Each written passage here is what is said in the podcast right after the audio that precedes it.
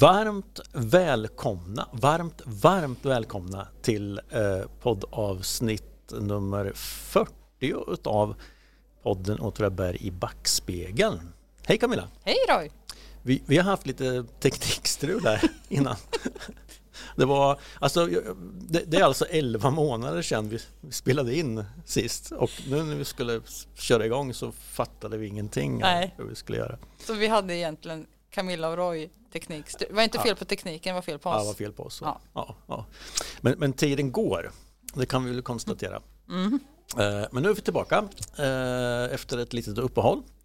Eh, och vi ska inte bara göra podd 40 Camilla utan vi ska ju även göra mitt, ytterligare minst fem avsnitt. Mm. Ja. Eh, vi, kan, vi kan inte säga dock med vilken frekvens vi kommer att släppa avsnitten för vi kommer att behöva gräva ordentligt i, i arkiv och källmaterial så det kanske kommer att gå lite olika tid mellan de här fem avsnitten. Som vi, ja. men, men vi kommer att släppa de här, det första här nu i, nu slutet på 2023 och sen några stycken då under 2024. Mm. Ja.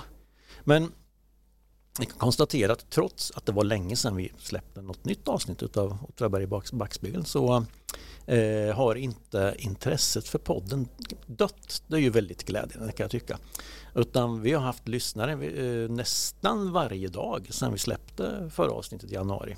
Eh, och det verkar också som att nya lyssnare har hittat eh, podden och försöker att lyssna i fatt eh, här. Om jag, om jag fattar saken rätt. Så.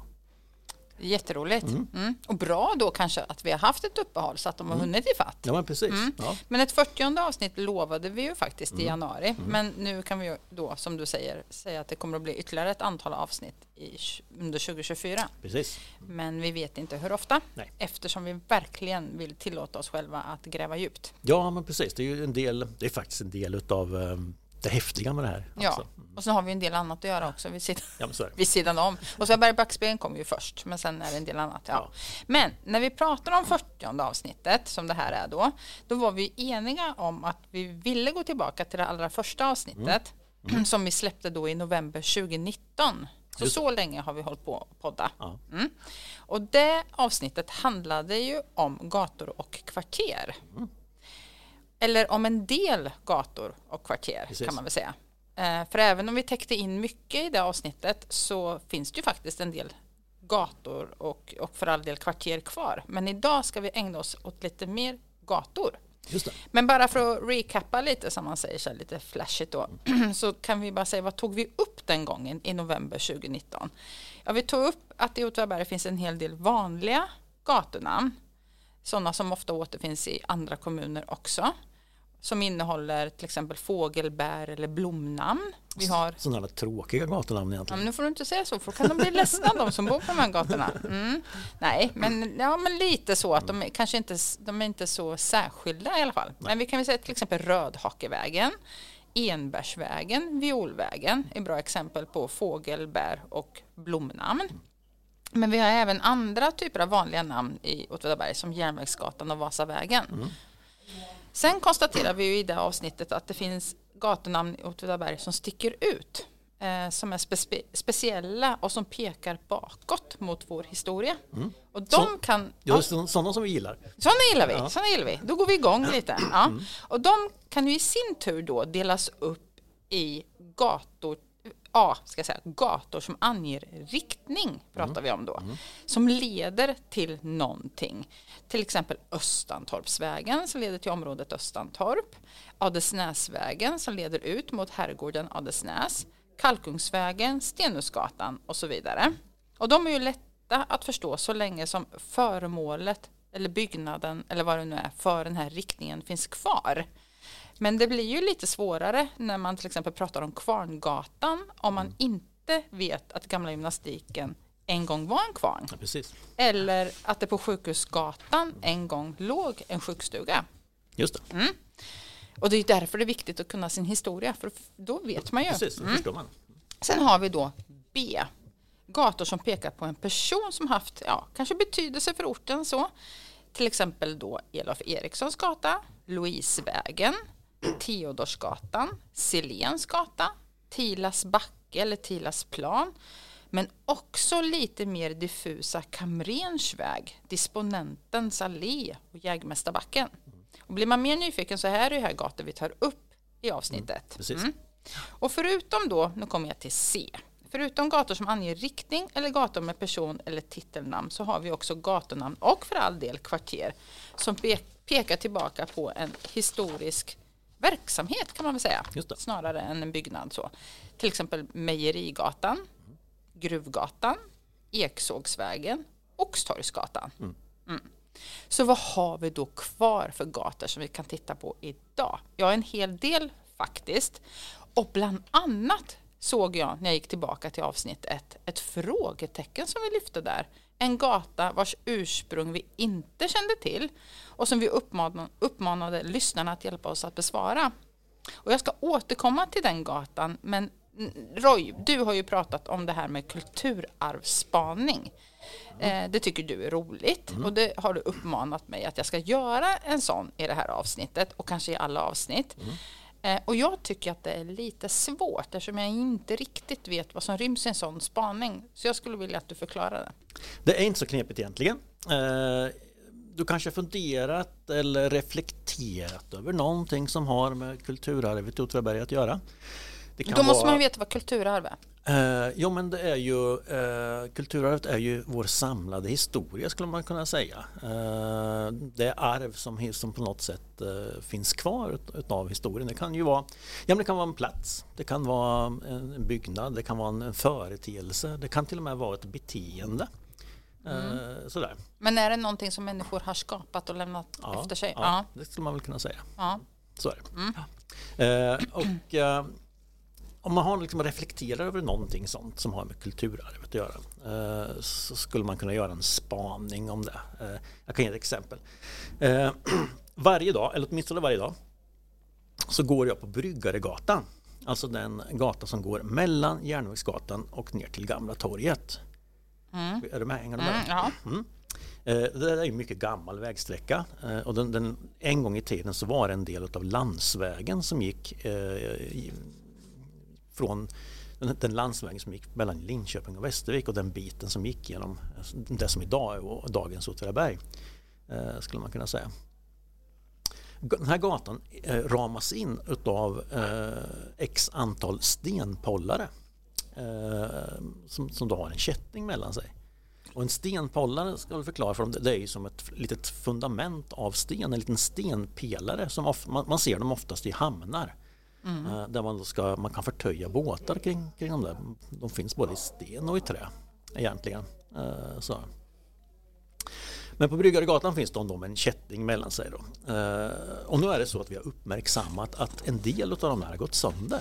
Mm. Ja, och de ska så småningom lagas om det går, jag är inte säker på att det gör det. Alternativt då bytas ut. Sådär. Och jag har gått på den där gatan fram och tillbaka utan att egentligen tänkt så mycket på att de står där. Alltså, men, men i och med det här så har jag funderat på hur gamla de, de skulle kunna vara egentligen. Så jag har gått igenom en del bildmaterial och det verkar som att det är samma pollare som fanns där i mitten på 1800-talet. Mm. Men istället för kätting mellan de där på den tiden så fanns det då en trästång. Och tittar man då, en, en trästång, trästång mellan Aha. dem som, som ett staket.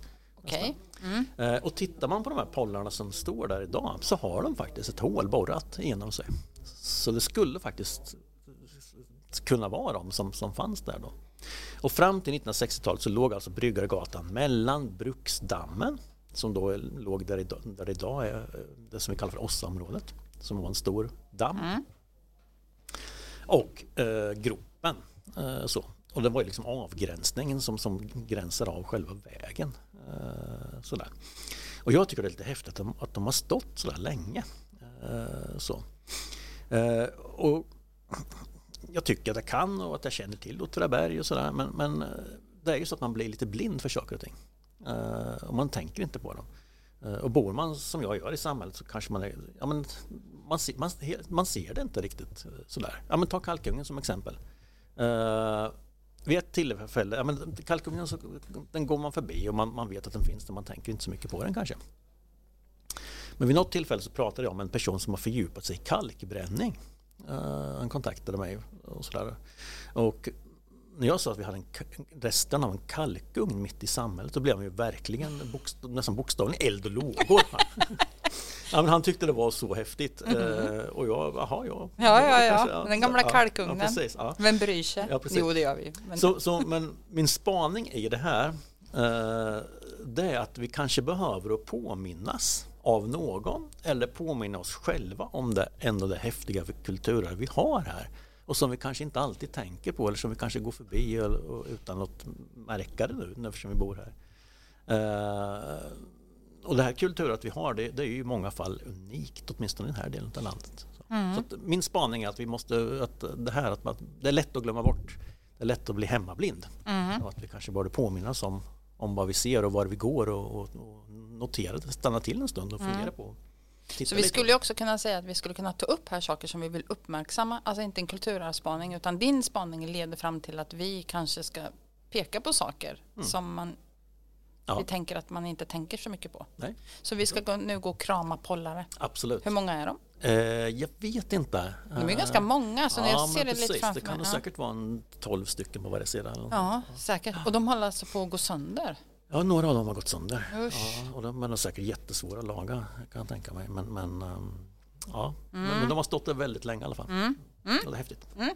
Men okej, okay, men, då, men då tänker jag att jag vill testa en spaning. Um, um, och som också blir en form av egentligen intro till det här uträttandet av gatufrågetecknet som vi hade från podd 1. Okay. Snyggt va? Mm. Om det håller alltså, så är det snyggt.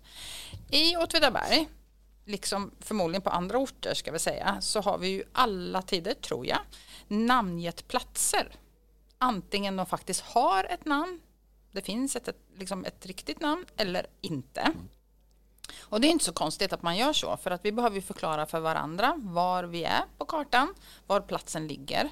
Och ibland som sagt så har vi skapat ett eget, vad vi nog tycker är ett bättre namn än det som redan finns. Mm. Helt enkelt för att det överenskomna bättre beskriver platsen eller förklarar platsen. Och sen finns det ju också som jag sa då platser som inte har ett namn och som vi självklart måste komma, då måste vi komma överens om. Vad, vad, vad menar vi? Eh, och det finns flera exempel på platser som vi ger namn. Jag tycker neråt är ett exempel som ja. vi har gett namn. Mm. det är ett bra exempel. Det är bra exempel, ja. Jag tycker också att Fisken är ett namn som jag tror är ganska etablerat. Vi ses vid Fisken framför kommunhuset. Mm, mm. Rör vi oss på samma ställe då. Men Röda hatten tycker jag är tredje. Eh, bor man i Basthagen så känner man till lekplatsen Röda hatten. Men min spaning idag då, den är något snävare eh, eh, och gäller en typ av platser, nämligen backar. Mm. mm.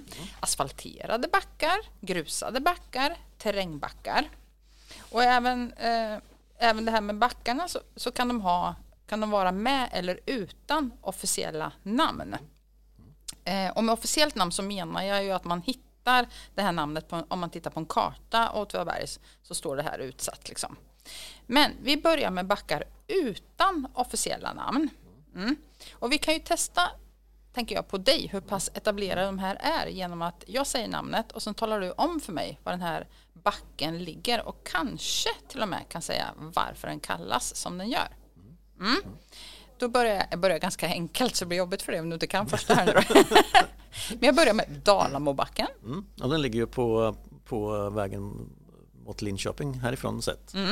Uh, och den ligger då, då uh, när man kommer upp på Krönhobacken så har man till vänster på, på höger hand ner så hade man först Dala säteri. Precis. Mm. Och, eh, så, så den Dalamon är ju, är ju landskapet ja. kallas, som ligger där. Ja. Men backen heter ju inte så, för det är ju riksväg 35, en ja. del av den. Ja. Mm. Vi kan säga Galgbacken. Galgbacken är ju den kulle som, jag hoppas att du tänker på den, som, som, som också kallas för Åsen. Ja. Mm. Eh, och om du vill förklara varför de kallas så utan att bli för långrandig så får du gärna göra så. Eh, Även med Gallbacken. Ja, men det vet vi ju egentligen inte. Det är ett lite av de mysterierna. Eh, mm. Det har ju säkert länge aldrig funnits någon officiell gallbacke i Åtvidaberg. Avrättningsplatserna låg ju nära häradsrätterna, mm. åtminstone hyfsat nära. Mm. Så och vi har ju pratat om ja. så himla många olika saker i den här podden så vi har faktiskt pratat om även det.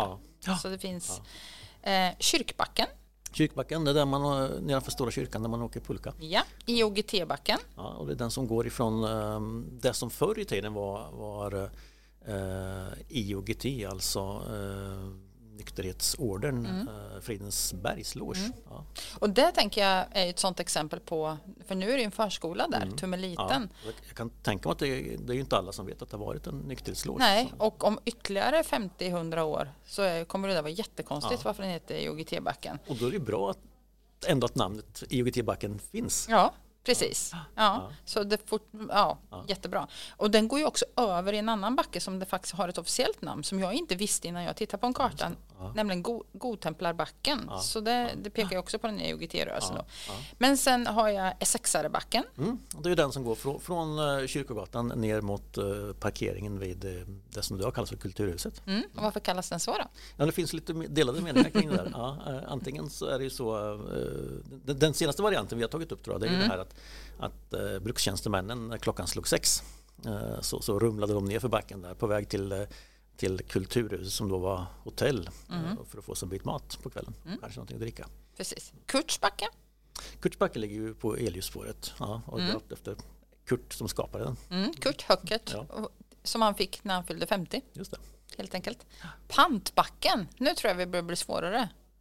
Ja men den är jag inte säker på. Nej. Nej den får du nog eh, hjälpa mig på ja. ja den, det är en backe man kallar som går från elcentralen i Eksätta ner mot Hengränd. Aha. Så kallar man tydligen den i folkmun för pantbacken. Aha. Just panncentralen. Ja, eller pannbacken kanske ska ja, vara. Kanske inte ska vara ett T förresten. Nej, nej. Tippbacken. Är det någonting med eh, någon soptipp att göra? Nej. Ja, det kan man faktiskt säga. Om man går bort till mitt område, Göstas park, mm. Mm. Så i skogen, i, liksom i höjd med dagiset, eller förskolan ja, heter det, ja. så åkte man ju ofta pulka där innan Göstas park fanns. Ah, okay. Så då var det ju tippbacken ja, därför att man visste att här hade det legat en soptipp. Ah, okay. mm. Togos backe. Togos backen, ja, det är den som, ligger, som går från eh, Östantorpsvägen eh, och upp Ja, och som egentligen inte finns, eller hur? Uh, ja, hur var det med den igen? Jo, men den, det var så här. Den, den, finns inte idag, va? Nej. Det är den här Nogisvägen ja, och så trodde man ju ja, bakom. Bakom där går ju, gick ju Togosbacken. Ja. Den är inritad på 1905 års stadsplan, ja. men, men uh, idag finns den ju inte. Så. Nej, så det är ett exempel på en backe som varken finns eller någon kallar för Togosbacken. mer än du och jag. Ja, men sen har jag en jätterolig, mm. för jag har ju frågat personer om det här så jag har fått lite tips. Och den här hade jag glömt bort och jag vet inte, gick du, visst gick du på långbrott? Ja. ja. Då kanske du känner till den här. Och den heter inte ens Backe, den heter Komåkervallen. Ja, men inte den, den, den man har lite friluftsdagar? Jo, och, ja, och det är ju en backe. Ja, det kanske det är. Men Komåkervallen är förmodligen där man kom ner från ja, backen. Just det. Ja, precis. Ja, det är jätteroligt, den hade jag helt glömt bort. Ja. Men sen har vi ju backar som har ett namn som sagt, men som vi kallar någonting annat. Och det här är både historisk tid och eller nutid, som vi kallar den här så. Eh, och vi gör likadant här tänker jag. De är inte så många nu. Och du säger vilka de är om du vet varför den kallas som den gör. Då har vi Brattsbacke. Mm. Och den, ligger ju, den går ju från Sjukhusgatan ner mot uh, Stenungsgatan. Mm. Bredvid uh, Åtvidabergs hotell. Precis, och den har ju ett namn. Och den heter ju uh, Bergmästarbacken. Precis. Mm, mm. Precis. Men också kallas Brattsbacke efter mm. den här Geschworner Karl Bratt. Karl Bratt som bodde i, i det som idag är Åtvidabergs hotell. En gång ja. Sen har vi Kotteribacken. Ja, och det är ju den som går upp eh, antar jag då, upp mot uh, bredvid det här uh, fler, flerfamiljshuset som kallas för kotteri. Mm. Upp emot, vad kan det vara för, vad heter gatan? Ja, jag var osäker på om, ja då är det södra eller norra Utsiktsgatan ja, mm. ja. Och det är roligt för den pekar ju på den här historiska platsen kotteri. Kotteriet, ja. Mm. Sen har vi en backe som har kallats lite olika mm. beroende på vem som har mm. bott där. Ja. Den heter både Malkus, Olles och Nisses backe. Och mm. det man hör idag är ju Nisses backe. Ja, jag säger Niss, Niss, ja. eller Nissebacke. Eller Nissebacken. Nissebacken. Ja. Och vilken backe är det då? Ja, men det är ju den som går upp från Stenungsgatan upp mot uh, Johanneskyrkan. Ja, precis. Mm. Men sen har vi också Bjärnsbacken eller Bjärnarnas backe. Vet mm. du vilken det är? Där får du också uh, upplysa mig, uh, Camilla. Ja, men det gör jag gärna. Mm.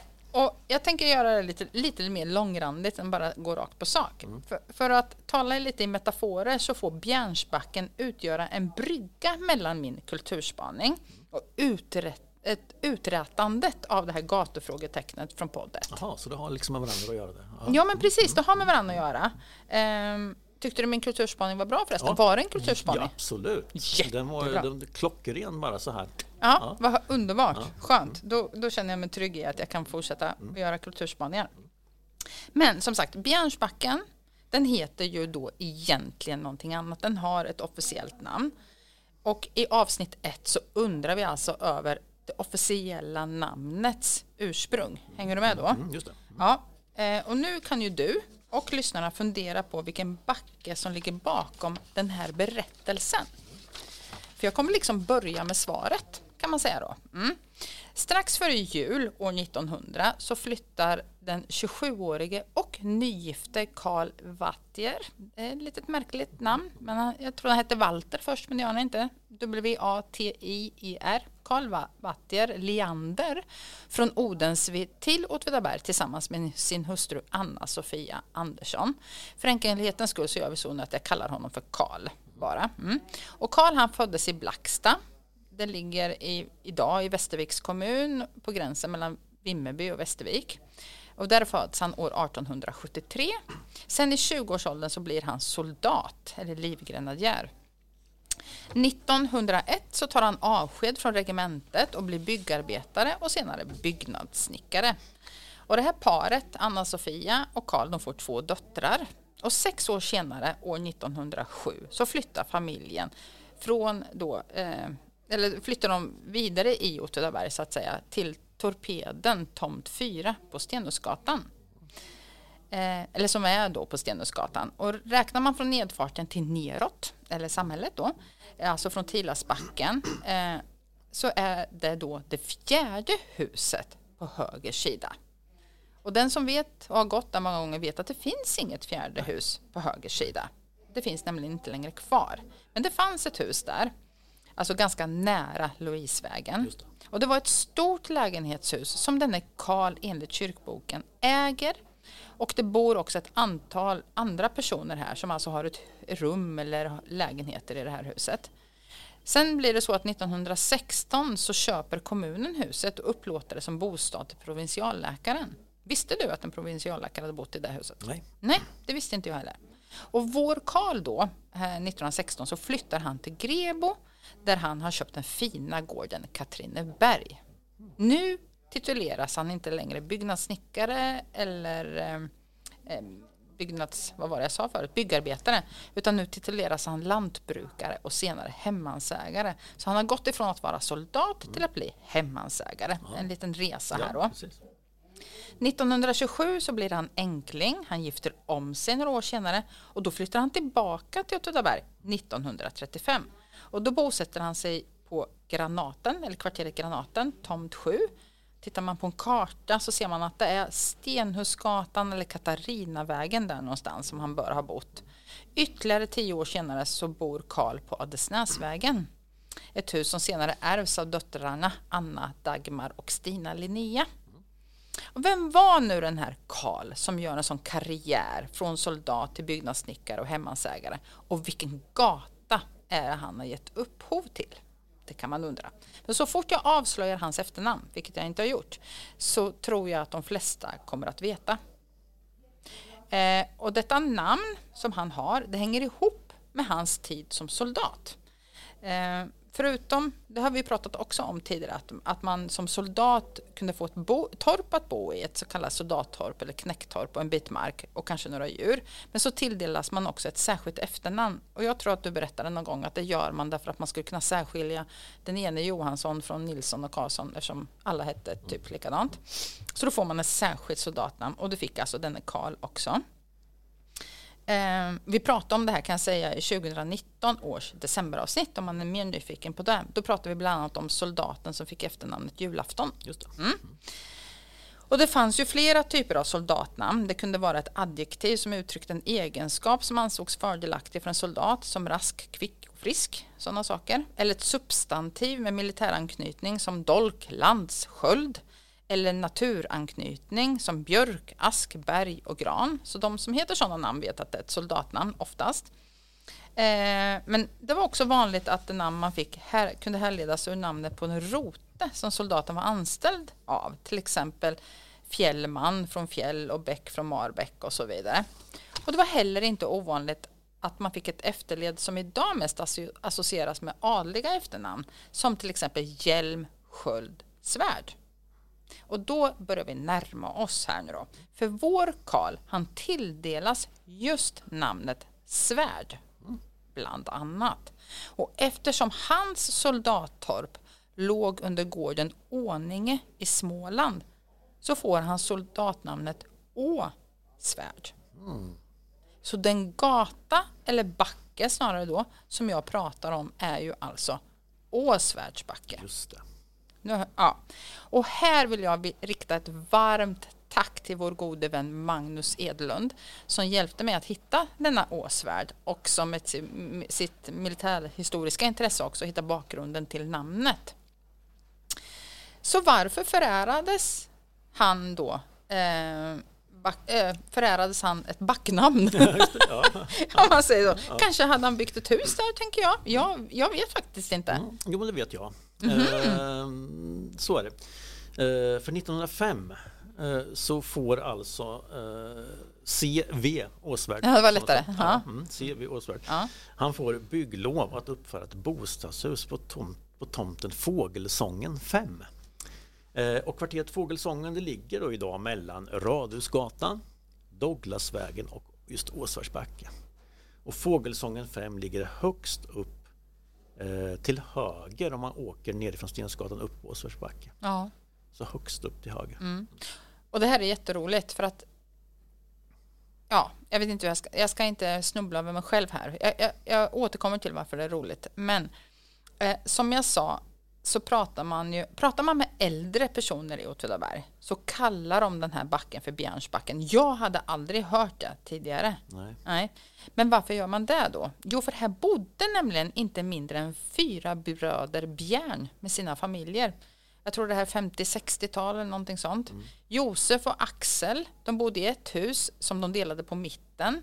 Eh, Alltså de hade en, vänster, en bodde till vänster och en till höger om man säger så. Och så hade de också varsin del av baksidan respektive framsidan men de hade delat upp det så att de hade det på diagonalen så att det ska bli rättvist. Liksom. Ja, ja. Höger framsida, vänster baksida och så vidare. Och sen på, på andra sidan vägen så bodde deras bröder Valle och David i ett hus som de Tvärt då Josef och Axel delade på tvären, alltså de hade en över och ja, undervåning ja, ja. istället. Mm. mm, det är ju lite roligt. Eh, och som ödet vill att jag verkligen ska knyta ihop berättelsen om, om KV Åsvärd och familjerna Bjärn så var de här fyra brödernas far livgrenadjär precis som Åsvärd. Det var väl kanske ganska vanligt. Mm. Och även pappa Bjärn Anders Albin hade i sin ungdom blivit tilldelad ett torp och just då fått namnet Bjärn. Han hette tidigare Werngren. Och det här torpet, nummer 36, det stod först i Västantorp men flyttades till Herkullen år 1897. Just det. Mm. Nåväl, nu var det lite sidospår. De här bröderna de här fyra bröderna bor alltså i Åsversbacken nära varandra och alla får de döttrar som alltså blir kusiner så det bor väldigt många bjärn där och därav liksom att man kallar det för bjärnarnas backe. Um, och sen så sa ju du någonting här som jag tyckte uh, var roligt. Vad var det nu igen då? Um, högst, uh, ja, högst upp, ja. precis, mm, tack. Mm, mm. För att i, min, i mitt letande efter bjärn så pratade jag just med, för då tänkte jag ju att Åsverk kan ha byggt ett av de här husen. Eh, och då när jag fick information om vem jag kunde prata om bjärnarna, vem som hjälpte mig med dem, hade just bott i det huset. Men de hade ingen aning om att det här var Åsvärd. Som, liksom, så att, ja, nu, det här lät väldigt, väldigt ja, krångligt. Ja. Men för mig blev det en liten rolig grej. Ja. Även om det inte blev det för lyssnarna för att jag var lite, lite otydlig här. Ja. Mm. Men innan vi släpper då den här Åsvärd ehm, så har jag konstaterat att han dyker upp. Jag, utav en händelse så träffar jag på honom i källmaterialet mm -hmm. utan egentligen att söka efter honom. Uh, och det kanske har att göra med den här flytten som han gör 1916 där. Ifrån, han, flyttar, han, han bygger sen ett hus på Stenhusgatan. Mm. Uh, som han sen flyttar mm. 1916 till, till Grebo. Ja. Precis. Men 1915, alltså året innan, så hamnar han då i Eh, han hamnar i ett av byggnadsnämndens ärenden. Mm. Uh, han har nämligen inrett rum och det, det, sa, det, det sa ju du att han hade inneboende verkar det som. Ja det verkar han ju ha, precis. precis. Ja. Ja. Eh, så han hade inrett en hel del, en hel del rum i, sitt hus då, som, som bo, ja, bo, bostad helt enkelt. Ja, så. Men han hade alltså inte ansökt om bygglov för det. Aj, aj. Så det här kom upp i byggnadsnämnden som ett svartbygge. Mm. Eh, men han var inte ensam om det faktiskt utan, utan eh, byggnadsnämnden de har att göra det här året med en radda personer som, som uh, har, har, byggt svart helt enkelt. De har byggt till och man har byggt om och byggt sådär. Antagligen tänker jag när jag läste det här så är det svårt. Alltså man hade ju en byggnadsstadga i Göteborg som inte var så där, den hade några år på nacken.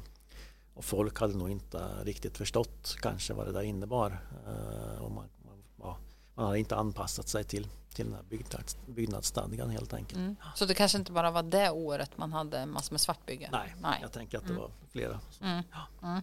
Sen är det faktiskt så eh, att eh, den här Åsvärd, han noteras i församlingsböckerna som, eller han hans fru noteras som baptistiskt sinnade. Eh, och, och, det där har vi sett på det, du och jag, att prästen brukar ju notera religiöst avvikande trosuppfattningar. Eh, och det var ju någonting som Svenska kyrkan höll på med väldigt länge fram i tiden. Eh, ända fram in på början av 1950-talet innan lagen om religionsfrihet kom till. Då, då, då skulle man ju, eh, i och med att det inte fanns religionsfrihet så skulle man ju också notera vem som hade avvikande trosuppfattning. Mm. Och baptismen kom till Sverige i mitten på 1800-talet eh, och man praktiserade ju vuxendop eh, och ansåg då att religion inte var någon statsangelägenhet egentligen utan var individens Eh, enskild, den enskilda individens angelägenhet. Sådär. Så Åsvärd och hans fru, man skulle faktiskt kunna säga att de är en av eller två av Åtvidabergs första frireligiösa personer mm. här i början på 1900-talet när, de mm. kommer, när de kommer till Åtvidaberg. Eller om de, eller om de blir omvända när de är Åtvidaberg, det vet vi ju inte. Nej. Riktigt. Så. Och deras döttrar står också i kyrkböckerna som är icke döpta. Ja, så, ja. Mm. så då har de ju också den, eh, då har de alltså inte döpt dem utan då får de ta ställning ja, till det själva. Som, senare, ja, mm. vuxendop. Ja. Mm. Och jag kan tänka mig också att Åsvärd då som var byggnadssnickare och senare byggmästare också. Mm. Ja, mm. precis. Det sa, det sa, vad heter det, Magnus, men det mm. hittade jag aldrig. Jo, de finns med som, eh, i någon titel, jag tror det står till och med i den här eh, svartbyggehistorien där. Ja, att han, som det då, ja. Eh, möjligen så kanske han är engagerad i Åtvidabergs baptistförsamlings... Eh, 1919 så byggde de alltså ett kapell på Adelsnäsvägen. Eh, Adelsnäsgatan heter den. Eh, som fortfarande står kvar och som idag är privatbostad. Vad sa du att den hette? Är det inte Adel, sa du Adelsvärd? Nej, förlåt. Ja, ja Adelsvärdsgatan. Ja. ja inte Adelsnäs. det var helt förvirrat. Det var helt förvirrat. Ja, ja. Eh, och den ligger på, i kvarteret Kalkugnen på Adelsvärdsgatan. Ja. Ska det vara. ja. Mm. Mm. Okej, okay. kul ju mm. med den Åsvärd. Nu har ja. vi rättat ut det och det känns ja, ju skönt precis. efter ett par år. Vi har fått lite mer kött på benen på honom som har gett namn till backen också. Ja. Kul. Och han bodde ju aldrig själv på, i backen så vitt vi vet utan han byggde ett hus där och han bodde ju nedanför backen. Ja, det gjorde han ju inte heller. Ja, men han står skriven i backen. Han gör det? Ja, faktiskt under, under uh, under en kort period. Jaha. Mm. Mm. När vi hade bestämt att, att, vi i det här avsnittet skulle prata om gator så tog jag ju fram en karta över Åtvidaberg för att titta vilka gator vi inte pratade om i avsnittet och som jag kände att jag blev nyfiken på och ville mm. försöka hitta mer information om. Och en sån gata var Ingatorpsgatan. Ingatorps Heter den Vägen? Vägen. Ja, men nu är vi ju helt... Ingatorpsvägen heter den. Helt rätt. Ingatorpsgatan. Ja, det lät konstigt. Ja, den finns inte kan jag säga, men Ingatorpsvägen finns. Och var ligger den då? Jo, om vi åker öst... Vi tänker nu att vi åker Östantorpsvägen upp. Vi har eh, stallet på höger sida då, eller hur? Vi åker på vänster sida om stallet. Då kommer vi först till en korsning. Eh, och här kan vi förresten stanna till lite apropå gator och, och liksom vad, vad saker och ting heter. För här finns inte bara en, en, Här måste vi stanna för det första, för det finns en stoppskylt. Men vi vill också uppmärksamma gatan som finns till höger, nämligen Kaplansgatan. Mm. Det är också ett spännande namn. En kaplan är ju en kapellpräst alltså en präst i en kapellförsamling. Eller det kan också vara namnet på en, en präst med lite begränsade arbetsuppgifter såsom fältpräst, sjukhuspräst eller kanske en medhjälpare till kyrkoherden. Och i Östantorp så låg ju också kommunisterbostället, eller det finns ju faktiskt kvar det huset. Och här fanns även nya kyrkogården som just har ett kapell och ingen kyrka. Och exakt när den här gatan fick sitt namn vet jag inte, men att den heter Kaplansgatan i det här området är ju inte särskilt konstigt. Nej, det finns ju flera gator som har en anknytning till kyrkan mm. eh, runt Östantorp. Mm. Eh, Prästgatan finns ju en gata som heter lite längre ner där. Eh, Kaplansgatan. Ja. Mm. Mm. Verkligen. Nåväl, men vi, vi fortsätter över korsningen. Vi gjorde bara en liten paus där vid stoppskylten. Och ett hundratal meter längre fram så dyker det upp en väg till vänster som heter Boställsvägen. Och det är ju precis där förresten som kommunisterbostället ligger. Mm. Och till höger har vi Bondegatan. Och precis här när vi fortsätter vägen fram så går Östantorpsvägen över i Ingatorpsvägen. Så för boende på Boställsvägen så kan de åka in på Boställsvägen från Östantorpsvägen och när de kommer ut, för man, det är en sån väg som man kan liksom åka ut på mm. en annan, ja, ja, så kommer de ut på Ingatorpsvägen. Ja. Det är ändå väldigt spännande. Mm. Ja. Och varför Ingatorpsvägen? Det blev ju liksom min fundering här då. Först så tänkte jag att det kanske var någon åtvidabergare med en släng av Göteborgshumor som hade tyckt att det var ett passande namn för att i det här området fanns det inga torp. Alltså avsaknad av torp. Ja. Men det tänkte jag, det vet jag ju att det fanns torp här så det, det kan det ju inte ha varit då. Men så googlade jag på Ingatorp för att försöka hitta en förklaring till vad det här var och då hittade jag ett litet samhälle i Småland ungefär tre mil eh, söder om Eksjö, öster menar jag. Jag är jättedålig på väderstreck, men öster om Eksjö som hette Ingatorp. Ja, ja, tänkte jag. Ingatorpsvägen går ju i riktning mot Småland ja, ja, för all del. Ja, men, varför hel... ja, men varför i hela världen skulle man i Åtvidaberg peka ut riktningen till ett litet samhälle i Småland? Det är inte så troligt. Och efter lite mer letande och faktiskt återigen med stöd av Magnus Edlund så fick jag namnet förklarat för mig. Fram till 60-talet så låg nämligen ett litet 1700-talstorp längs den här vägen. Ett stycke ner i backen om man fortsätter Ingatorpsvägen fram och före parkeringen till nya kyrkogården. Och torpet hette Ingatorp. Eh, och när jag har pratat med personer som minns det här torpet eller till och med haft släktingar som har bott här så, så berättar man om de här två stora ekarna som fanns eh, vid infarten under de här ekarna så satt man och spelade kort. Och det var tydligen så också att torpet med uthus och dass fanns på ena sidan medan ladugården fanns på den andra sidan vägen som idag finns där då. Och som fanns då också. Eh, och de sista att bo i det här torpet var familjen Bersén. De hade sex stycken barn. Och barnbarn till, till, till det här paret som bodde där då, de minns hur mormor tvättade kläder nere vid ån, alltså ån som går nere vid kyrkogården mm, helt enkelt, fast mot Västervikshållet till då tvättade hon kläderna. Och en sak till som jag fick höra i mina efterforskningar om eh, Ingatorp eh, var ju då att den äldre generationen, apropå att namnge platser, mm. kommer vi tillbaka till mm. det, mm. eh, så namnger man tydligen nya kyrkogården, eller den har fått ett alldeles speciellt namn. Vet du vilket? Nej. Nej. Ingatorpelyckan. Jaha. Ja, ja. Visst är det fint? Ja, eh, och det kan alltså jag, jag förstår att de, att, de, att de kallar det för det. Mm. För där nya kyrkogården ligger idag så var det ju full betesmark, eh, åkermark och odlingslott, alltså så kallade lyckor. Eh, är det odlingslott? Ja, mm. en liten lycka. En liten lycka. Ja, precis. Det är ingen stor odling, en liten, lite mindre. Mm. Och de här tillhörde byn Östantorp. Eh, och så gjorde ju också eh, även torpet Ingatorp. Mm. Låg ju alltså under, under Östantorps by. Eh, och jag tänker att jag kan komplettera lite. Här med, jag var också lite nyfiken på det där namnet Ingatorp. Mm. Eh, och det är inte helt ovanligt. Det finns 40, 40 stycken Ingatorp i Sverige. Det finns åtta stycken i Östergötland. Eh, de finns i Hägersta, Hällesta, Vist, Vårdnäs, Österryd och Åtvis socknar. Eh, och det är framförallt torp och lägenheter och mindre gårdar som har fått namnet Ingatorp. Men eh, ett samhälle sa du. Mm. Ja, och även en, några byar och en socken faktiskt. Ingatorp socken i Gudhems härad, Skaraborgs län i Västergötland. Och där ska den alltså, den här socknen ska fått sitt namn av en kung Inge som härskade där och senare i Sverige på 1000-talet och början av 1100-talet. Och det är så namnet ska tydas, uppenbarligen. Jag trodde att det hade någonting att göra med kvinnonamnet Inga, men icke. Namnet Ingatorp innehåller en genitivform av mansnamnet Inge.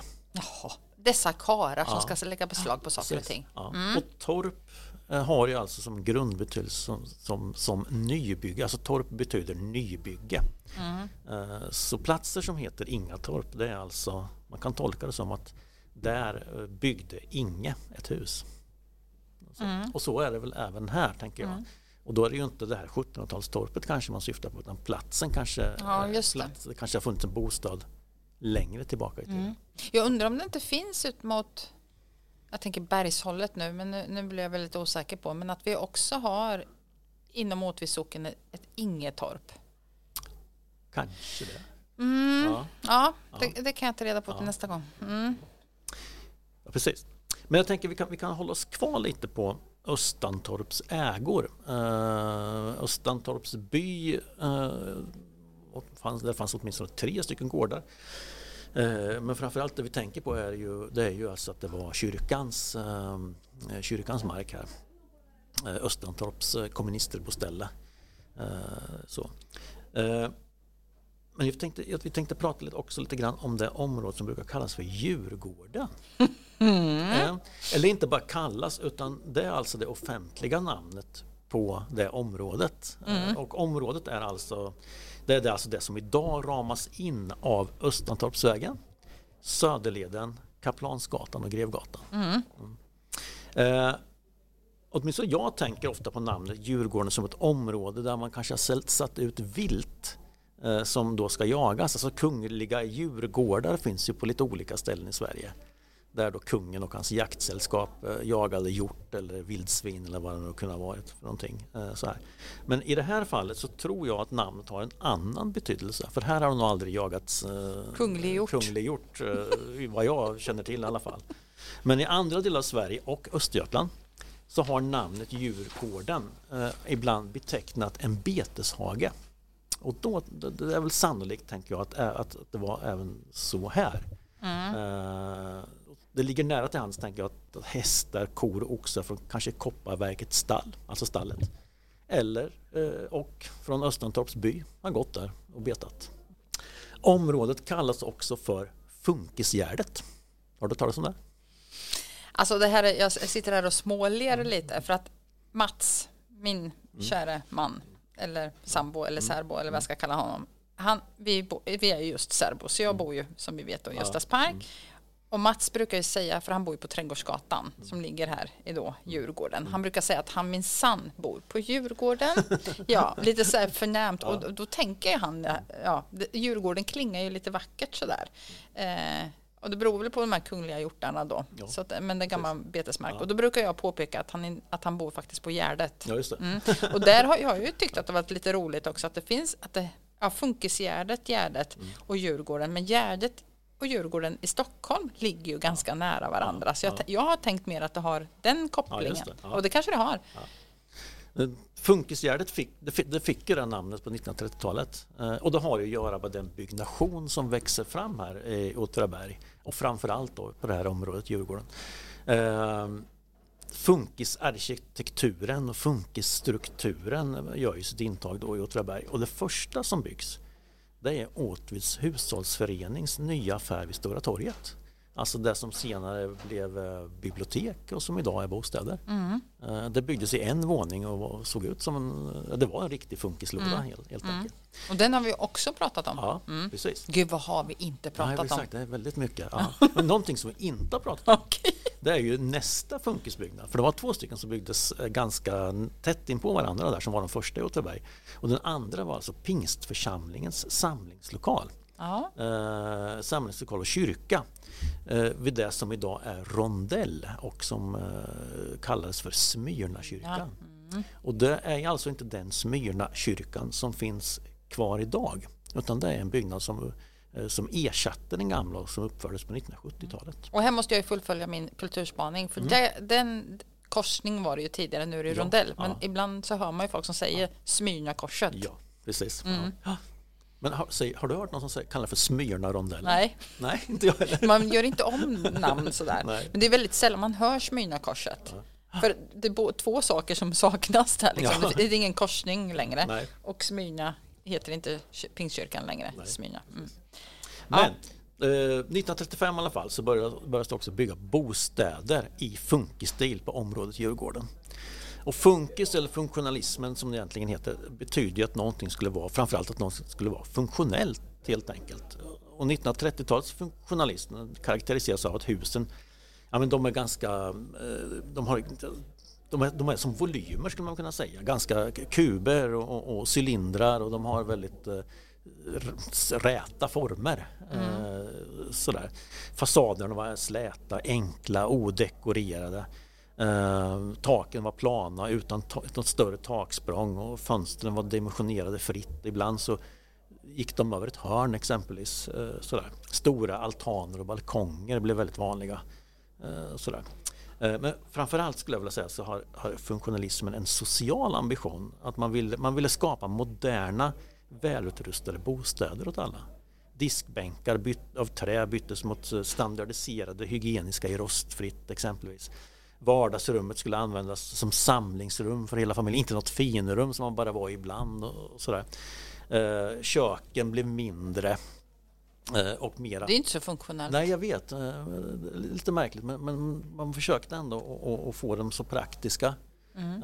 Som möjligt. Så här. Mm. I, I koden, bara för det här det, det sker en modernisering av bostäderna och i korren 1935 så kunde man läsa följande om byggnationen på Funkisgärdet som man då kallar det för. Då, då skriver man så här. Man bygger solitt och bekvämt. Nu vållar vattenfrågan inga bekymmer längre och då kostar man på sig värme, varmvatten, WC, badrum och andra hygieniska bekvämligheter. Parkettgolv ser man ofta nog i eljest rätt blygsamma hus och till och med diminutiva villor har sin hall med öppen space. Det är huvudsakligen reviterade trähus som uppföras men i ett par fall har man försökt med gasbetong och försöken sägas ha slagit väl ut. Var de trä från början? Alla, eller inte alla, men de är trä. Man bygger dem i trä och sen så putsar man ja, på med, okay. mm, ja, mm, mm var så man gjorde. Men det sker alltså en rejäl modernisering av bostäderna i samhället här på 1930-talet och inte bara där utan även i Villahagen och, mm. och, och, och, och på, på, några andra ställen. Så. Eh, så därför så kallas det funkis, också funkisgärdet, men det är kanske ingen som säger längre tänker jag. Utan det är kanske ett gammalt Nej, det är bara jag som säger, fast jag säger gärdet. Ja. Mm. ja. Mm. Men det finns en mm. annan spännande sak eh, i det här området, Djurgården. Eh, och det kanske inte är så många som vet om. I sydvästra delen så finns det en liten, ett litet parkområde. Det ligger nere mot Höghusen på Söderleden och mot Kaplansgatan skulle man kunna säga. Det är garage till Kaplansgatan mm. 13, eller någon, ja, det här är ett av de där höghusen. Och ovanför där så är det ett litet parkområde och där där finns det någonting som man tror är två stycken stensättningar alltså gravar ifrån någon gång mellan yngre bronsålder och yngre järnålder, alltså 500-600 år före Kristus till 500-600 år efter Kristus. Och det kan jag tycka är lite häftigt. Det är att det finns häftigt. mitt i samhället. Ja. Uh, och som man så. inte... Nej, man det är apropå det här vi ska... inte grävt ut dem. Nej. Nej. Apropå det här som vi kanske ska rikta mot våra spotlights mot lite saker som vi inte tänker på. Nej, men, precis. Mm, ja. men de kanske inte är så lätta att se. Eh, nej, jag tror inte heller det. Utan de är ganska överväxta. Mm det kanske trä, krävs ett tränat arkeologiskt mm. öga för att kunna, kunna se dem där. Så. Eh, kvartersnamnen på området knyter jag an till någon verksamhet som funnits där. Hästen, Oxen, eh, Plantskolan, Västerntorps trädgårdar har haft lite verksamhet där också. Eh, kvarteren heter också Djurgården och Hjorten. Så. Sen kommer det namn som kanske knyter an till de här gravarna, jag vet inte riktigt. Vikingen heter ett kvarter eh, och ett annat, om, eh, ett annat heter Ekängen som knyter an till det område som just av tradition kallas för Ekängen eh, ner mot Källgatan. Eh, så. Sen kommer då det lite udda kvartersnamnet Manas. Jag börjar skratta innan jag, ja. innan jag hör vad jag ska säga. Manas. Ja, manas, ja. ja. Uh, jag vet inte riktigt, jag har ingen aning om varför man döpte. Undrar hur många som säger Manasse? Ah, så. Ja, eller, det kanske uttalas så, vet jag. Ja. Nej, Men så, ja. Det är, alltså, um, och det kanske knyter an till då den här tidsperioden som gravarna är ifrån. Uh, Manas jag säger Manas. Ja, tror, ja men det, tror, det låter det, fint tycker ja, jag. Det är alltså ett personnamn och mm -hmm. eh, Manas är en biblisk person. Eh, han var alltså enligt Gamla Testamentet konung i Judarike ungefär 600 år före Kristus, alltså vid svensk bronsålder. Mm -hmm. Eh, och det han är känd för är att han, han syndade svårt mot Gud, fick betala ganska hårt för det och sen bättrade han sig efter det. Ja, wow! Ja, men ja. Ett, ett, väldigt udda, väldigt ett, udda. kvartersnamn. kvartersnamn. Vad kul att vi fick med ett udda kvartersnamn ja, också.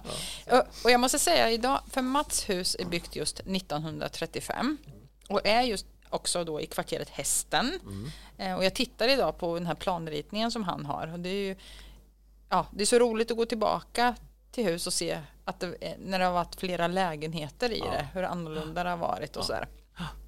Men i sina gömmor så har ju brukskultur en rad så kallade Åtvidabergsminnen också. Mm. Mm. Och en av de här har jag knyckt hem mm, ja. för att jag vill läsa mer i den. Ja. Eh, Åtvidabergsminnen eller hågkomster som personer har skrivit ner och som, med tiden, som de då själva med tiden har skänkt till brukskultur ja, antar jag. Ja, och dels intervjuer som, som, som ni har gjort. Som har gjort ja, ja, mm. Och en sån skrift där jag tror att den här har författat själv då, han, författat av Elof Jansson. Mm. Eh, nu kommer det ett, eh, ett gäng ungdomar här utanför där ja, vi spelar in. Därför mm. låter det så här. Ja, just det. Mm. De, och de brukar vara högljudda. Precis. Mm. Ja, men en sån skrift har författats av Elof Jansson som var född 1909. Mm. Han berättar bland annat hur hans far år just 1935 köpte en tomt av baroniet, av baroniet mm. i, i kvarteret Djurgården. För det var baroniet som ägde den här ja. marken. Mm. Och tomten säger han låg nära en gammal grund till ett före detta svinhus. Så det ser vi, det är djur som har gått här. Inte så kungligt och vackert som Mats vill ha det till. Ja, Elov själv, han arbetade som ritare på möbelfabriken och han ritade föräldrarnas hus och så var det en man som hette Axel Elving som byggde det. Mm. En känd byggmästare här i Okej. Okay. Ja. Och i augusti 1936 så tog de det första spadtaget i vad han beskriver den djupa leran. Och tack vare en ur husbyggeperspektiv då bra vinter, nämligen en vinter som var ganska snöfattig och ja, man hade barmark, mm. så kunde huset stå klart redan i mars 1937. Och det här huset fick adressen Edbergagatan 7. Och pappan beskriver det och han tillverkade själv alla bänkar och skåp till köket. Och väl när de var på plats och hade flyttat in och när kärlen, den kärle som ändå fanns i marken, även om det var en, en mild vinter, så satte man igång med ett digert schaktningsarbete i trädgården för att göra ordning tomten, eller för, trädgården, på tomten för att göra ordning till en trädgård, tvärtom. Och som han säger, det var inte bara att vända på jorden och kratta slätt, utan det mesta måste skäras bort och grovt fyllnadsgrus fick läggas på och så gårdsgrus efter det. Och på samma sätt så tog de bort all matjord och lade på fyll för att höja upp ett parti. Så de arbetade mm. otroligt med det här. Och han säger själv att en del som gick förbi de tyckte nog att de var väldigt omständliga i sitt arbete. Och på tomtkartan som Elof hade då så hade han också ritat ut grusgångar och terrasseringar, murar, kantsten eh, som efter sådd och planteringar skulle skapa den efterlängtade mönsterträdgården, skriver han. Med mjuka gräsmattor och rabatter med rosor och och nu måste jag vända blad och se vad Elof skriver här egentligen. Blommande perenner, fruktträd och sen en stor köksträdgård. Han berättar hur åkaren Valle, som jag tror en del känner till, som är lite äldre, körde bäckfallsten åt dem och att de också anlitar en elev på Trädgårdsskolan i Västantorp för att få råd om lämpliga fruktträd och blommande perenner och prydnadsbuskar för trädgården. Och all den här cementeringen och gjutningen av terrasser och kantsten gjorde de helt själva. Det tog lång tid, de ja, höll på och grejade jättemycket. Inledningsvis så hyrdes övervåningen ut Eh, men 1943 så övertalar Elof sin far att han ska få ta över den eh, delen då. Eh, han anlägger parkettgolv och inreder med möbler inhandlade hos bland annat Lindbäcks på Adelsvärdsgatan. Mm. Det, det, där tycker jag är lite spännande. Man, man, och det där har ju ända sedan början på 1900-talet när folk har byggt hus så har man byggt klart och sen har man hyrt ut. Ja. Eh, det var ett vanligt sätt kanske att finansiera också ja, sin, sin byggnation. Ja, så hans far, han, jag tänker att hans mamma och pappa bodde ju på nedervåningen och så hyrde de ut övervåningen. Mm. Eventuellt så bodde väl Elof där också för han bodde ju hemma ja, innan ja. så att säga. Så att, men, eh, mm. och jag har faktiskt pratat med den person som idag bor på Edberga, mm. eller en av de personer som idag bor på Edbergagatan 7, nämligen Susanne Wetterhall. Mm. Och hon bor på övervåningen som består av tre rum och kök. Eh, hon flyttade dit 2016 efter att hela huset hade renoverats. Mm. Och jag, när jag pratade med henne så frågade jag om hon kunde se om det fanns någonting kvar av husets ursprung. Och ja, det tyckte hon att hon kunde. I två rum så säger hon så ligger det väl bevarad Åtvidabergsparkett. Och den hade inte behövt slipas när huset renoverades för att det var så fint. Så frågan var ju, och hon säger frågan är om den någonsin har behövt slipas för det här, det var väl ett rum man stängde och inte ja, använde så mycket. Precis. Eller el då var det väldigt rädd om. Taket i vardagsrummet, säger hon, liknar inte de andra taken. Utan här har man spännpapp, du vet, så och det vet jag inte om det var vanligt då. Det låter inte så funktionellt. Nej, ja, jo, men det var, det, var nog så man, man gjorde. Ja, men innan, är... innan man hade kommit, alltså det var ju istället för skivor. Ja, just det. Så, så det, det är ett tecken på att det, var från, att det finns kvar från Precis. början då. Sen, det är fantastiskt. Ja, och sen, sen kom ju masonit ja. så småningom. Sen. För den här spännpappen är ju så väldigt lätt att ha sönder. Ja. Mm, skjuta upp en champagnekork i den vet du, så är det ett mm. hål. Ja. Och dörrar och trappräcken tror hon också är original, liksom en gammal brandsläckare som hänger i trappan Aha. ner mot källaren. Ja, det skickar hon också kort på. Jättefin brandsläckare. Så lite orange och liksom lite spetsig. Ja, just det. Jag, ja. vet precis exakt vilken det är. Mm, jag förstår. Trädgården var tyvärr, berättar Susanne, ett sorgligt kapitel innan de flyttade in. Och den här trädgården då som Elof och alla andra hade jobbat så hårt med. Och det, det blir man ju lite, ja, ja det, det, känns ju lite svårt då. Men det var en halv meter högt gräs som, som man bara fick klippa ner när, när de tog över här 2016, eller han som köpte huset. Men här och där, berättar Susanne, så dyker blommor upp som förmodligen en gång har planterats av familjen Jansson. Och hon har själv räddat två pioner. Och eh, hon kan se ibland liksom, där det finns mycket buskar och så, här, så helt plötsligt så är det någon blomma som tittar upp där. Eh, och fruktträden finns ju kvar förstås, eh, liksom flera murar som, som eh, man hade cementerat här en gång då, eller eh, murat upp. Ja. och trädgården sa hon består mycket tydligt av två nivåer. Så, ja, ja. Um, och husägaren hade också sagt när Susanne flyttade in att det är så mycket virke i det här huset att det idag med dagens mått skulle räcka till två hus. Mm. Lite kanske överdrivet men ändå. Det står med andra ord väldigt stadigt och är gediget byggt. Mm. Ja, vi börjar väl närma oss lite slutet här. Mm. mm. mm. Men jag skulle vilja säga att jag är ju som det kanske har framgått i avsnittet väldigt förtjust i gamla hus som bär på en historia. Men jag är också väldigt förtjust och lite vemodigt eh, inställd till gamla vägar. Helst grusvägar som, ja, som har kanske passerat sin storhetstid och många eller i alla fall flera människor än idag kom åkande och som bodde längs de här vägarna. En sån gammal grusväg är ju Dalgatan. Just det. Mm. Och den, om vi ska beskriva vart den går då, så är det är ett stycke grusväg som idag går från Basthagens station eh, vidare till Vägverket jag, jag, vet inte om det heter Vägverket längre. Nej, men Vägverket. Det kanske inte det ens finns. Sånt namn, ett sånt namn som, ja. som, som, som, inte finns. Nej, eller precis. Ja, men, jo, men jag tänker att det är ett sånt inofficiellt eller ja. halvofficiellt namn. Ja. Eller, ja. Gud vilken bra spaning jag gjorde. Ja, Här har vi. Vägverket säger vi idag. Och ner för backen också, ner mot Nygård, den som idag är asfalterad. Det är Dalgatan. Och på Dalgatan låg ett torp tidigare, ganska nära egentligen Basthagens station som hörde till, till Slevringe. Och idag så kan man se stengrunden av det här huset som låg med gaveln mot vägen. Det var ett hus med två rum och kök och det beboddes, vid, om jag tittar i kyrkböckerna då, så beboddes det vid 1800-talets början av arbetare. Så titulerades mannen med sin familj. Något senare fanns det en smed som bodde här.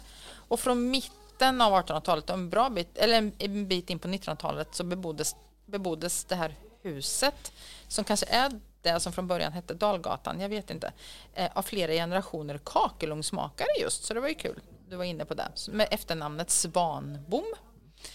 Och de förmodligen sista permanentboende var Bengt och Maj-Britt Rosén med barnen Ingegerd, Elisabeth och Ingela. Senare så fick de eh, utökades barnaskara med barnen Janne och Ann-Sofie men när de bodde här på Dalgatan så, så var det de här tre barnen. Och det är Ingegärd som jag har pratat lite med. Och Bengt han arbetade ju i skogen för baroniets räkning och eh, Ingegärd minns hur ensamt det här huset låg. Det fanns, ing, tänkte, det fanns ingen bebyggelse runt omkring. Ingen bebyggelse i Basthagen som idag ligger ganska nära. Ja, just det här där huset låg. Ingen bebyggelse egentligen i Garpan, mer än Garpastugan förstås, eller i Nygård. Eh, och hon minns fortfarande hur hon som treåring en dag rymde sin väg på sin trehjuling och tog vägen, liksom, du vet, ner för den här asfalterade backen mm, vid mm. Vägverket. Ja, mm. Och sen tog hon sig till en farbror som hon kände till, som var väl den som bodde närmast. Han hade ett lantbruk där nere, precis. Tror, idag finns det ju på vänster sida ett, jag tror ett grönt hus ja, precis innan man kommer på den här cykelbanan ut mot eh, Örsätter. Mm.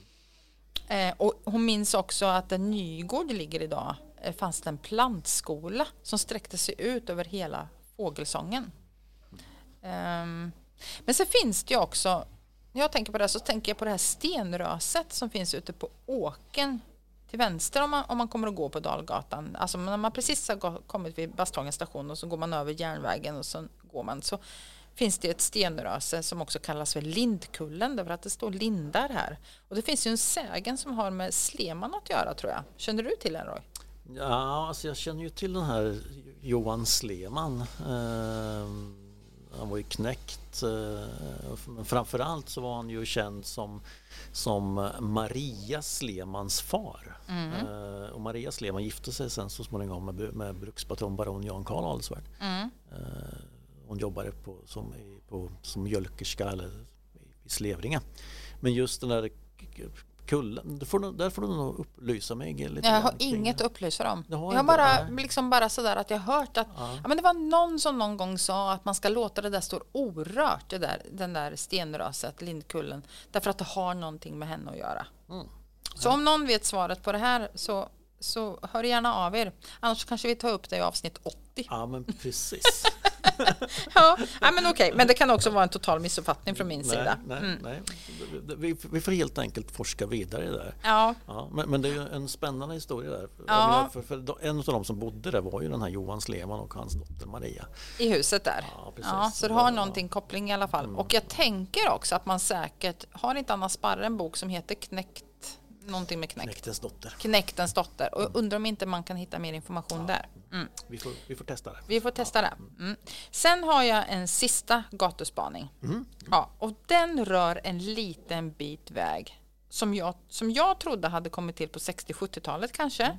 När en byggnad för billackering byggdes vid den här vägen. En byggnad som sedan 80-talet rymmer vad vi i folkmun fortfarande säger färgtema. Mm. Mm. Men som idag tror jag heter Åtvidabergs färg, eller inte tror, jag vet att den heter Åtvidabergs färghandel och design. Där är det en liten vägbit liksom ner mot ja. 35an, rondellen. Ja. Mm. När Färgtema flyttade dit så var den här vägstumpen ner mot 35an avstängd eh, eftersom man ansåg att det inte fick finnas en fyrvägskorsning vid en landsväg. Och kanske var det så, tänker jag nu, att den här vägen öppnades upp när det blev rondell här nere. Mm. Fotbollsrondellen. Mm. Och vägsmatten heter Lillsvängen. Just det. Mm. mm. Så den börjar alltså vid rondellen där det står en fotboll och sen slutar den när man har kommit upp för backen och där Stenhusgatan tar vid. Mm.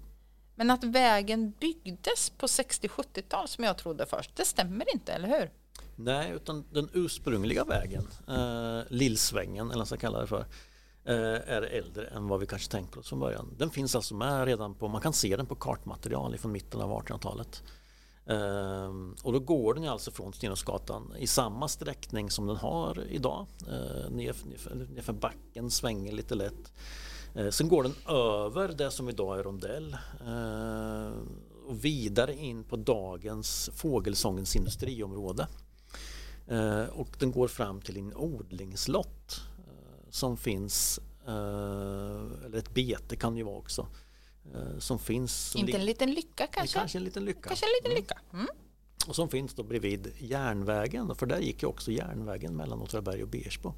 Det är som en raksträcka där vid Fågelsången och där, där var det järnvägen. Sen fortsätter den här vägen. Eh, nu måste jag fråga, ja. är det där som idag är cykelbana? Ja. ja. Och där vi också har hittat gamla Ja, det finns lite så moderna hällristningar. Ja, just precis. Och, den, och den vägen den fortsätter, liksom, det är som en rak mm. gata mm. genom hela Fågelsången. Mm. Och det är den gamla järnvägsbanvallen, mm. eller samma sträckning. Så, så igen då, vart låg den här lyckan? Den låg mitt på den eh, rakan. Cykelbanan? Ja, mm. ungefär. Mm. Och sen fortsätter den här, den här det som idag kallas för Lillsvängen eller den ursprungliga vägen fortsätter dock eh, lite längre bort och mynnar ut vid Vrånghults gård. Mm -hmm. I mitten på 1800-talet. Eh, så. Um, så, vad skulle, så, vägen, skulle vägen liksom leda till Vrånghult? Ja, den ledde till en av de vägarna som ledde till Vrånghult mm. helt enkelt. Ja, en, en lite mindre, en lite mindre väg. Så, mm. så det, den är eh, betydligt äldre än vad man kanske tror från ja. början. Ja. Och betydligt mindre än vad den var från början. Man ser ju inte mer än det här Nej. som är. Nej. Ja, och det är ju jättekul. Tänk ja. lilla Lillsvängen. Ja precis, det är verkligen namnet för Lillsvängen. Där. Ja, den är jättefin. ja. ja. Men jag tänkte när vi ändå pratar om vägar och vägars namn så tänkte vi Östantorp är ju på något sätt uh, temat för dagen mm, också. Mm. Uh, så jag tänker vi backar tillbaka till just Östantorp. Uh, och på ägorna, Östantorps ägor så fanns ju någonting som hette Östantorps hump humpar. Vi har ju pratat om det här förut. Idag kallar vi det för humpaområdet. Mm. Så. En hump, bara för att rekapitulera här, en hump är ju alltså ett stycke betesmark eller odlingslott som ligger åtskilt från den byn som, som, som äger den. Så att säga. Lite längre, den ligger alltså lite längre bort, en hump. Mm. Eh, och i dagens humpa i, bostadsområdet så finns det en gata som heter Trollstigen. Just det, det är spännande. Mm. Och det kanske är ett lite märkligt namn kan man tycka. Mm. Eh, och som kanske inte har så mycket med Åtvidaberg att göra. Men det har det faktiskt. Eh, det är så att ungefär där gatan Trollstigen ligger så fanns det ända sedan eh, slutet av 1700-talet åtminstone. Eh, en liten... Ett troll! du säger trolltider så kan man... Ja. Nej, det ska förlåt. inte heta Gormstigen eller något. Ja, ja, just det. Eh, nej, det ligger faktiskt ett, eh, en betesmark som kallas för Trollhörnet. Och, och varför ni gör det, det, det, det, vet jag faktiskt inte. Nej. Eh, men, men, men, så är det och därifrån kommer ju också förstås namnet Trollstigen. Mm. Ja, så. Eh, och vi har ju pratat förut om Göstas hål. Mm. Mm. mm. Indeed. Ganska ingående. Mm. Ganska ingående. Ja. Och i närheten av den här betesmarken eller odlingslotten Trollhörn så fanns det faktiskt ett annat hål. Nämligen Klockarhålet. Oj, oj, oj. Och då kan man ju fråga sig, är det någon klockare som har gått ner sådär? ja. Man, eh, ja. Nej, det är egentligen inget hål utan det är namn, också namnet på en ägomark, ett stycke, ett stycke mark helt enkelt. Som, som, och, som har fått det namnet och som då tillhörde Kammarfred. Mm -hmm. Och Kammarfred var en gård som låg ungefär där rondellen vid Söderleden ligger. Mm. Någonstans inom. Mm. Som hade en litet hål ja, där. De hade, mm. de, en, en, av deras utmarker hette Klockar och kallas för Klockarhålet. Ja. Möjligen kanske, någon, kanske är någon klockare som ja. har gått ner sig. Vet. Ja. ja. Och utan att egentligen tänka efter så tycker jag att det här var ju väldigt, väldigt fint av dig Roy. Att du tog tillbaka en av våra hang-ups, förutom Gustav Adolfshuset, mm. har ju varit Göstas hål. Ja, och här kom det mm. mot slutet tillbaka och fick en kompis i Klockarhålet. Ja, mm. mm. Så då har vi Göstas hål, vi har Klockarhålet. Ja. det är ju fantastiskt. Ja. Får se om vi träffar på några mera. Ja, Sådana. hål. Ja. vi börjar med backar och slutar med hål. Ja, precis. Ja. Mm. Jaha, men nu är vi, liksom, nu är vi igång igen Camilla. Ja. Ja, eh, det ska bli jätteroligt ja. Eh, och, och, och, och grotta ner oss lite mer i, i Åtvidabergs historia. Precis, ja. och jag har en tanke om nästa avsnitt faktiskt. Du har det? Ja, det har jag. Ja, det måste vi ta sen när vi har stängt av. När vi har stängt av. Mm. Ja. Men då säger vi så tycker jag. Mm. Yep. Hej då!